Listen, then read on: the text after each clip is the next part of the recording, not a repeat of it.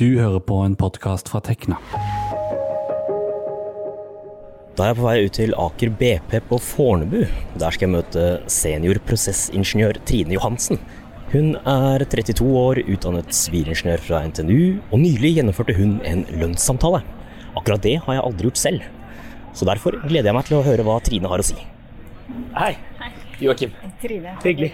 Jeg kom inn til lønnssamtalen og egentlig forventa Jeg forventa en eh, god prosent ekstra, men jeg var veldig usikker på om jeg kom til å rykke opp et lønnsnivå eller ikke.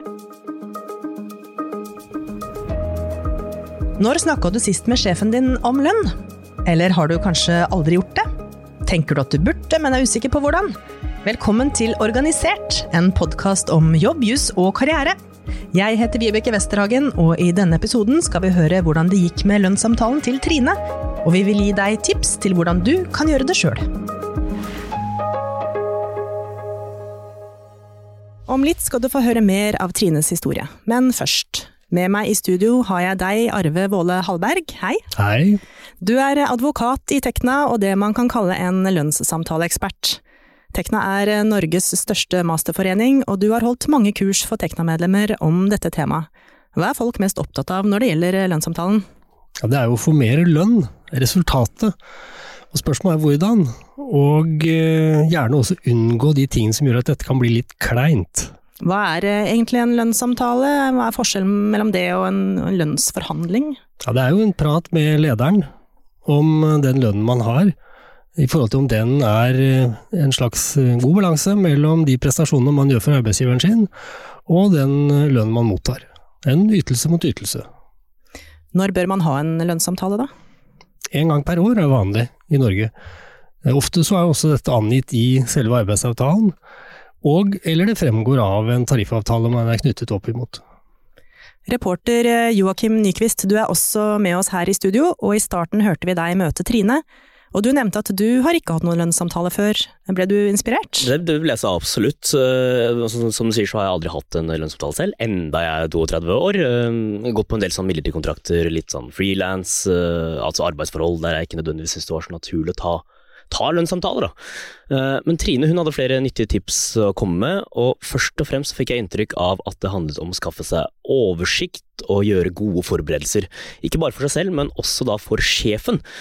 Her kan dere få høre litt om hvorfor hun ønsket en lønnssamtale akkurat nå. Jeg startet i oljebransjen i 2014, og rett etter jeg startet så begynte det å bli nedgangstider. Så selv om jeg starta med en bra startlønn til å komme rett fra skolen på det tidspunktet, så var det veldig lite lønnsutvikling i starten, og det var heller ikke tiden for å ta opp og diskutere lønns. Men jeg følte at uh, bransjen og bedriften gikk så bra at det var på tide å få et rykk nå, da. Er det her første gang du har hatt uh, lønnssamtale? Jeg hadde også en lønnssamtale år før. Da hadde jeg bare jobbet i fire år uh, i bedriften, så da hadde jeg uansett ikke oppnådd kriteriene for å gå opp en lønnsklasse. Men da gikk jeg opp noen prosent som var ja, ganske greit. Her hører vi at hun har tenkt godt gjennom timingen. Ja, hun sier at tidspunktet ikke, være, ikke bare må være riktig for, for, deg selv, det må også passe for bedriften også. Mm, og så hører vi at hun syntes det var på tide med et lønnsopprykk, fordi hun hadde fått mer ansvar, og det gikk bra med bedriften. Men hvordan gjorde hun dette her i praksis? Altså, hun gjorde noe som jeg syns virket veldig fornuftig. Hun forberedte sjefen på at hun ville snakke om lønn, og akkurat det, det satt sjefen veldig, veldig stor pris på. Han syntes det var veldig fint at jeg ga beskjed på forhånd. For vi har en utviklingssamtale i Aker BP, og jeg spurte om jeg kunne ta dette som en del av det. Og han satte pris på at han fikk litt varsel på forhånd, at han visste at jeg kom til å ta det opp, og at han da også fikk sjekka kriterier for min del. Hvordan forberedte du deg til, til lønnssamtalen? Jeg forberedte meg med å sjekke med Tekna-leder i Aker BP for å se at min antakelse om at jeg lå litt lavt, var riktig. Han bekrefta det, at jeg lå litt lavt. I tillegg så forberedte jeg meg med å gå igjennom litt tilbakemeldinger jeg har fått, eh, og også tenke igjennom hvilken kompetanse jeg har, slik at jeg hadde tro på at jeg fortjente det selv når jeg kom til samtalen. Nesten sånn at du måtte overbevise deg selv, på en måte, eller øh, legitimere det for deg selv øh, på, et, på et vis? Det er både og. Um, I Aker BP er det ofte sånn at den sjefen man har, um, er ganske ny, for de bytter roller veldig ofte. Så både bevis for meg selv at ja, jeg fortjener det, men også siden han ikke har full oversikt, bare ta en liten sånn eh, recap på hva jeg egentlig har gjort, og at, hva min kompetanse er, da. For det er lett å sitte i samtalen hvis du ikke har tenkt igjennom det, og bare ja, ja, jeg har gjort masse forskjellig, men egentlig ikke komme på noen eksempler. Ja, hun eh, samler altså på meritter over alt hun har fått til, lager seg rett og slett en liste, og det høres jo smart ut. Men nå er jeg veldig spent på hvordan selve samtalen foregikk. da. Hvordan fløt praten med sjefen? Ja, altså, som hun er inne på her, så starta Trine liksom samtalen på e-post, og dermed ble på en måte den faktiske lønnssamtalen, lønnsdialogen da de satt eh, face to face, en naturlig fortsettelse av det de allerede var i gang i. Lønnssamtalen startet egentlig på mail. Jeg spurte om, eller jeg skrev at jeg ønsket å diskutere å gå opp et lønnstrinn på mail og bruke tid i utviklingssamtalen til det. I tillegg der så ramsa jeg opp uh, noen av argumentene allerede i første mail. Så uh, tilbakemelding fra lederen min da var at han var helt enig at jeg fortjente å gå opp et lønnstrinn, men at han uh, skulle sjekke kriterier, og at det ikke bare er han som kunne avgjøre det, det er hele den disiplinen og også HR. Men hva sa dere under samtalen? Dere, altså, nå har dere liksom kartlagt en del på, på, mail i forkant, men hvordan foregikk, hva sa dere liksom under selve, selve lønnssamtalen? Da? Under selve lønnssamtalen var første gang jeg egentlig fikk se kriteriene for å gå opp et lønnstrinn. Så da gikk vi gjennom de, eh, og noen av de hadde han allerede fått svar på at jeg eh, utfylte kriteriene til, men noen vil han gå litt mer i detaljer på. Um, og få tilbakemelding fra meg da, om jeg mente jeg utfylte de kriteriene. Også slik at han kunne ta med det videre til sine uh, ledere i diskusjon om det var ok å ta meg opp et uh, trinn.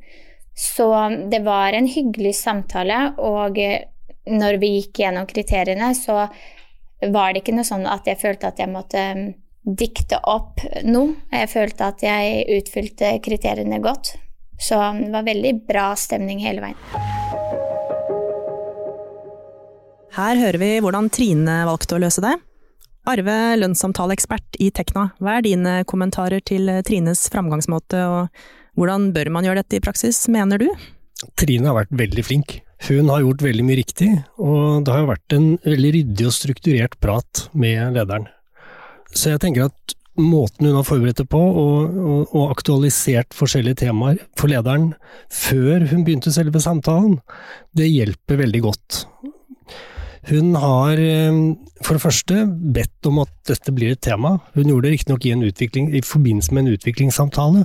Det kan ofte være lurt å skille de to temaene, men det syntes ut som partene også klarte her. Og deretter så, så, hadde hun forberedt seg godt i forhold til um, hva kriteriene for å få et lønnspålegg skulle være. Eh, og hun etablerte etter hvert konsensus med lederen sin om at hun hadde gjort seg fortjent til mer lønn. Hun hadde rett og slett fått ham på sitt parti til å argumentere oppover i, mot ledelsen for at hun skulle få et lønnspålegg, og da har hun jo scora godt. Trine jobber jo i eh, privat sektor. Hvordan fungerer lønnssamtalen når man jobber i det offentlige? Ja, Det er ganske likt. Det er eh, vel kanskje et mindre spillerom for lederen lokalt til å tilgodese den enkelte med eh, den lønnsrammen som man av og til har tilgang på i privat sektor, fordi oppgjørene ofte er mer sentralstyrt, og, og mye av eh, årets lønnsregulering blir fordelt sentralt. Det er en lønnspolitikk som Tekna er imot, og vi har jo oppnådd gjennomslag i statlig og kommunal sektor også på dette, for at også en lønnssamtale mellom individ, altså arbeidstaker og lederen, skal også kunne fungere med henblikk på å oppnå et lønnspålegg. Hvordan finner man ut om man på en måte har krav på å få snakke med sjefen om lønn? Det vil jo gjerne fremgå i arbeidsavtalen at man får lønnsregulering en gang i året. Det betyr jo ikke at man har krav på å få et pålegg. men at man har krav på å få en vurdering av om man bør opp i lønn. Og som Trine var inne på, hun startet i oljebransjen i en tid hvor det var trangt, og at det tok fire år før hun fikk et lønnspålegg, det er nok relativt oppsiktsvekkende. Og Hvis man da sammenligner med offentlig sektor, så ville det nok vært eh, gitt lønnspålegg underveis. Eh, så det er jo ofte slik at man sier at privat sektor har et bedre lønnsutviklingsnivå enn offentlig sektor, men i dette tilfellet så viser jo nettopp nedkonjunkturen i olje og gass at uh, her tok det flere år før hun fikk et lønnspålegg. Men hva hvis det ikke står i kontrakten? Ja, I tillegg til at det kan stå i kontrakten, så vil jeg gjerne fremgå av personalhåndboken eh, hvordan man gjør dette, og kanskje også er det knytt, tilknytninger til det gjennom tariffavtaler man har et medlemskap i. Men selv om man ikke har krav på det rettslig sett, så vil det jo være naturlig at temaet kommer opp årlig. Mm. Det er det vanlige i Norge. Du Joakim, Hei. Du har vært ute på gata og tatt pulsen på hva folk tenker når du spør dem om eh, lønnssamtalen. Hva var reaksjonene du fikk? Tja, det var vel vanskelig å få noen reaksjoner i det hele tatt. Eller den gjennomgående, gjengående reaksjonen det var vel at uh, lønn visstnok ikke er noe som altfor mange har lyst til å snakke om. Uh, fordi folk ville rett og slett ikke snakke med meg da de hørte hva det var jeg var ute etter. Ja, og hvorfor er det slik, lurte du på. Mm. Derfor slo du på tråden til psykologspesialist Jan Martin Berge, som blant annet har fordypning i arbeidspsykologi. Her skal vi høre hva han hadde å si. Ja, det er Martin. Jan Martin Berge, hvorfor er det så vanskelig å snakke om lønn selv når man ikke skal snakke om konkrete tall? Nei, Det der syns jeg er litt interessant. da. Hvis vi skal være litt kritiske her, da, så kan ikke vi, vi kan ikke generalisere ut ifra at uh, du har snakka med noen få på gata, og dem på gata sa at uh, nei, det vil du ikke snakke om. Vi kan ikke generalisere at det gjelder for hele Norges befolkning. Men det kan jo være at du har fanga opp et eller annet her. Fordi eh, at folk kanskje syns at det med lønn er litt sånn, eh, hva skal vi si, det er personlig, det er privat. Kanskje det er en måte å sette verdi på oss. En måling rett og slett på hvordan posisjon eller status du har i flokken. For har du, Hvis du anser selv da, at lønna di er veldig lav, så kanskje det kan være litt sånn skamfullt, litt sånn pinlig å, å, si høyt. For det kan si noe om din sosiale status. da. Hvis du tenker at du er høy, så kanskje du ikke har lyst til å si det heller. for at du, du, har ikke lyst til å høres ut som at du er en sånn snobbete riking. da. Det er jo ikke sikkert alle ønsker å fremstå som det. Så da vil det være lettere å si sånn nei, det ønsker jeg helst ikke å snakke så mye om. Så, så, er det litt sånn forsvarsmekanismer som, som slår til når, når man blir liksom konfrontert med spørsmål om lønn? Ja, forsvarsmekanismer, og ikke, ikke minst litt sånn hvis man syns det er ekkelt eller kleint da, eller pinlig. Da blir jeg opptatt av hvilke følelser er det liksom vi prøver å unngå ved å snakke om ting. da. Og Da tenker jeg kanskje det er en sånn skamfølelse som kan komme inn. Og skamfølelsen den har jo som jobb å si til deg trekk deg litt tilbake. Sånn, sånn Ut fra din erfaring, altså, hvor vanlig er det at uh, folk syns det er ubehagelig å snakke om lønn? Det er veldig vanlig. Og jeg tror veldig mange unge arbeidstakere ikke er så gode. Og hvis jeg skal få lov til å synse litt, så tror jeg unge arbeidstakere, som også er kvinner, er ikke gode nok til å snakke om lønn. Det gjelder for en del gutter òg, men bare, nå spurte du meg litt om min erfaring, og da syns jeg ser det at, at gutta er flinke til å, til å presse lønn og i forhold til å be om en lønnssamtale. Jeg tror mange kvinner og mange unge arbeidstakere gjør lurt i å tørre å snakke om lønn når man eh, kommer inn i arbeidslivet. Og kanskje særlig med tanke på med ansettelsestidspunktet, og også når du er ferdig med prøvetida di. Så det er liksom en, en gyllen anledning til å tematisere det. Ja, det er ingen tvil om at det å snakke om lønn kan oppleves eh, vanskelig og ukomfortabelt. Arve, eh, hvilke generaltabber kan man finne på å gjøre under en eh, lønnssamtale? Ikke bli personlig.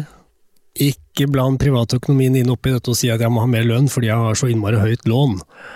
Ikke kom med personangrep på sjefen. Ikke bruk dette som en anledning til å ta opp det du er misfornøyd med vedkommende, og at hun eller han ikke ser deg. At du eh, at, at, det er noen andre som har forårsaket din eh, misere i forhold til lønnsplassering. Ikke still noe ultimatum. Altså, hvis du ikke har tenkt til å slutte, hvis ikke du får mer i lønn, ikke tru med det. Fordi hvis du da ikke fikk det, hva gjør du da? Da har du skaffa deg selv et lodd rundt foten. Og vær, vær sannferdig. Å bli tatt i løgn eller lettvintheter skader deg langt utover det lønnsmessige. Og til slutt, ikke la dette gli over til å bli en medarbeidersamtale, for det handler om din faglige og personlige utvikling i jobben. Nå snakker man om lønnen din, om den er i balanse med de ytelsene du gir bedriften. Veldig gode innspill der. Du, hvordan tror du det gikk med Trine, Arve? Ja, dette tror jeg gikk, gikk bra. Og jeg tror også hun, med den måten hun la dette opp på, og den responsen hun fikk fra lederen, la grunnen eh, også for et økt opprykk senere år. For dette er nemlig en øvelse i tålmodighet. Det man ikke får i år, kan man kanskje få neste år, fordi man har sådd kimen til det som vokser neste gang.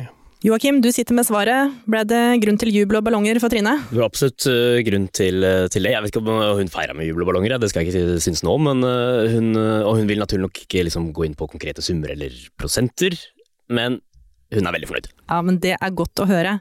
Takk til deg, Joakim. Få med deg oppsummeringen av Arves tips helt til slutt, men nå har vi kommet fram til vår faste spalte To streker under svaret, der vi tar imot lytterspørsmål som handler om lover og regler i arbeidslivet.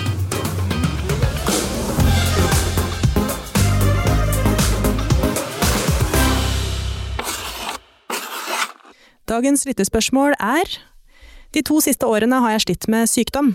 Nå skal jeg på et jobbintervju og er nervøs for hva de kan finne på å spørre om. Hva kan de spørre om om helsa mi? Det er nok lettere å, sva, å si noe om hva de ikke kan spørre om. Det de ikke kan spørre om, det er om du har en god eller dårlig helse, eller om du har noen diagnoser. Det de kan spørre om, er om din helse utgjør et hinder for å kunne utføre den jobben du er på intervju om. Og I den sammenheng så er det greit å merke seg at graviditet ikke er en helsemessig betingelse eh, som man skal opplyse om i forhold til om det anses å forårsake en begrensning i forhold til den aktuelle jobben. Man har ingen opplysningsplikt om graviditet i forhold til intervjusituasjonen. Og så er det jo et tips her, og det går jo på at hvis du har et hull i din CV, som arbeidsgiver jo vet om, eller den du er på intervju hos vet om, så kan du tjene på å kommentere det, og ta det opp selv, forutsatt selvfølgelig at din helse ikke vil være et hinder for å kunne gjøre jobben. Og det kan jo ufarliggjøre forholdet, og også medføre at den, altså den type lufting av tematikken kan virke avdramatiserende. Og så skal man til slutt også huske på at etter lovgivningen i, Norge, lovgivningen i Norge så har arbeidsgiver en tilpasnings- og tilretteleggingsplikt for forskjellige typer yrkeshemninger. Og Det vil også gjelde her, så det er ikke alt som vil kunne representere et hinder for din arbeidsutførelse som nødvendigvis må på bordet under intervjuet. Arve Våle Hallberg, kan du helt til slutt oppsummere dine fem-seks beste gulltips for gjennomføring av lønnssamtalen? Hva må vi huske på? Ja, vi var inne på det med kontinuitet og tålmodighet. Eh, gjør dette som en kontinuerlig øvelse gjennom året. At man tar opp det man får til, og viser seg fram for ledelsen. Eh, tenk at hvis ikke du får utbytte eller uttelling på det nå, så kan det hende at du får det senere. Det er ikke sikkert det er rom for det lønnstillegget du ønsker i år, men kanskje neste år. Vær tydelig i presentasjonen din. Ha samlet opp prestasjoner du har gjort som vil kunne peke i retning av et lønnspålegg. Og husk, begrunnelser virker. Sånn er vi som mennesker. Hvis vi gir noen en opplysning, så har de en tendens til å ønske å tro på det. Ha humør når du har en samtale om dette med sjefen. Om det er vanskelig, så kan det hende at man skal innrømme det. At det er, dette er en litt uvant situasjon, og kanskje litt vanskelig for begge, og da har man avdramatisert allerede. Sett deg et mål. Gi deg selv en premie hvis du oppnår det du er ute etter. Og helt til slutt, øv deg med en venn før du møter sjefen. For det er sånn at når vi sier ting første gangen, så blir det ofte litt rart, og særlig hvis vi er litt spente. Har du øvd deg og vært igjennom, så hører du hva du burde sagt på en annen måte, og så har du tatt av de feilene med en gang, sånn at det blir bra når du møter sjefen. Da er du tydeligere, og da er det lettere å få gjennomslag. Supert. Tusen takk, Arve. Da håper vi alle lyttere har notert seg noen gode tips, og vi ønsker alle lykke til med lønnssamtalen. Og takk for at du stilte opp i studio, Arve. Selv takk. Det var hyggelig å være her. I neste episode av Organisert forteller vi deg hvordan en god arbeidsavtale bør se ut. Da får du vite hva du bør huske på, og hva du bør unngå. Har du innspill til oss, ris eller ros, så send veldig gjerne en e-post til podkast.krøllalfatekna.no. Tusen takk for at du hørte på! Dette har vært en podkast fra Tekna. En fagforening for deg med mastergrad i naturvitenskap, realfag eller teknologi. Les mer om oss på tekna.no.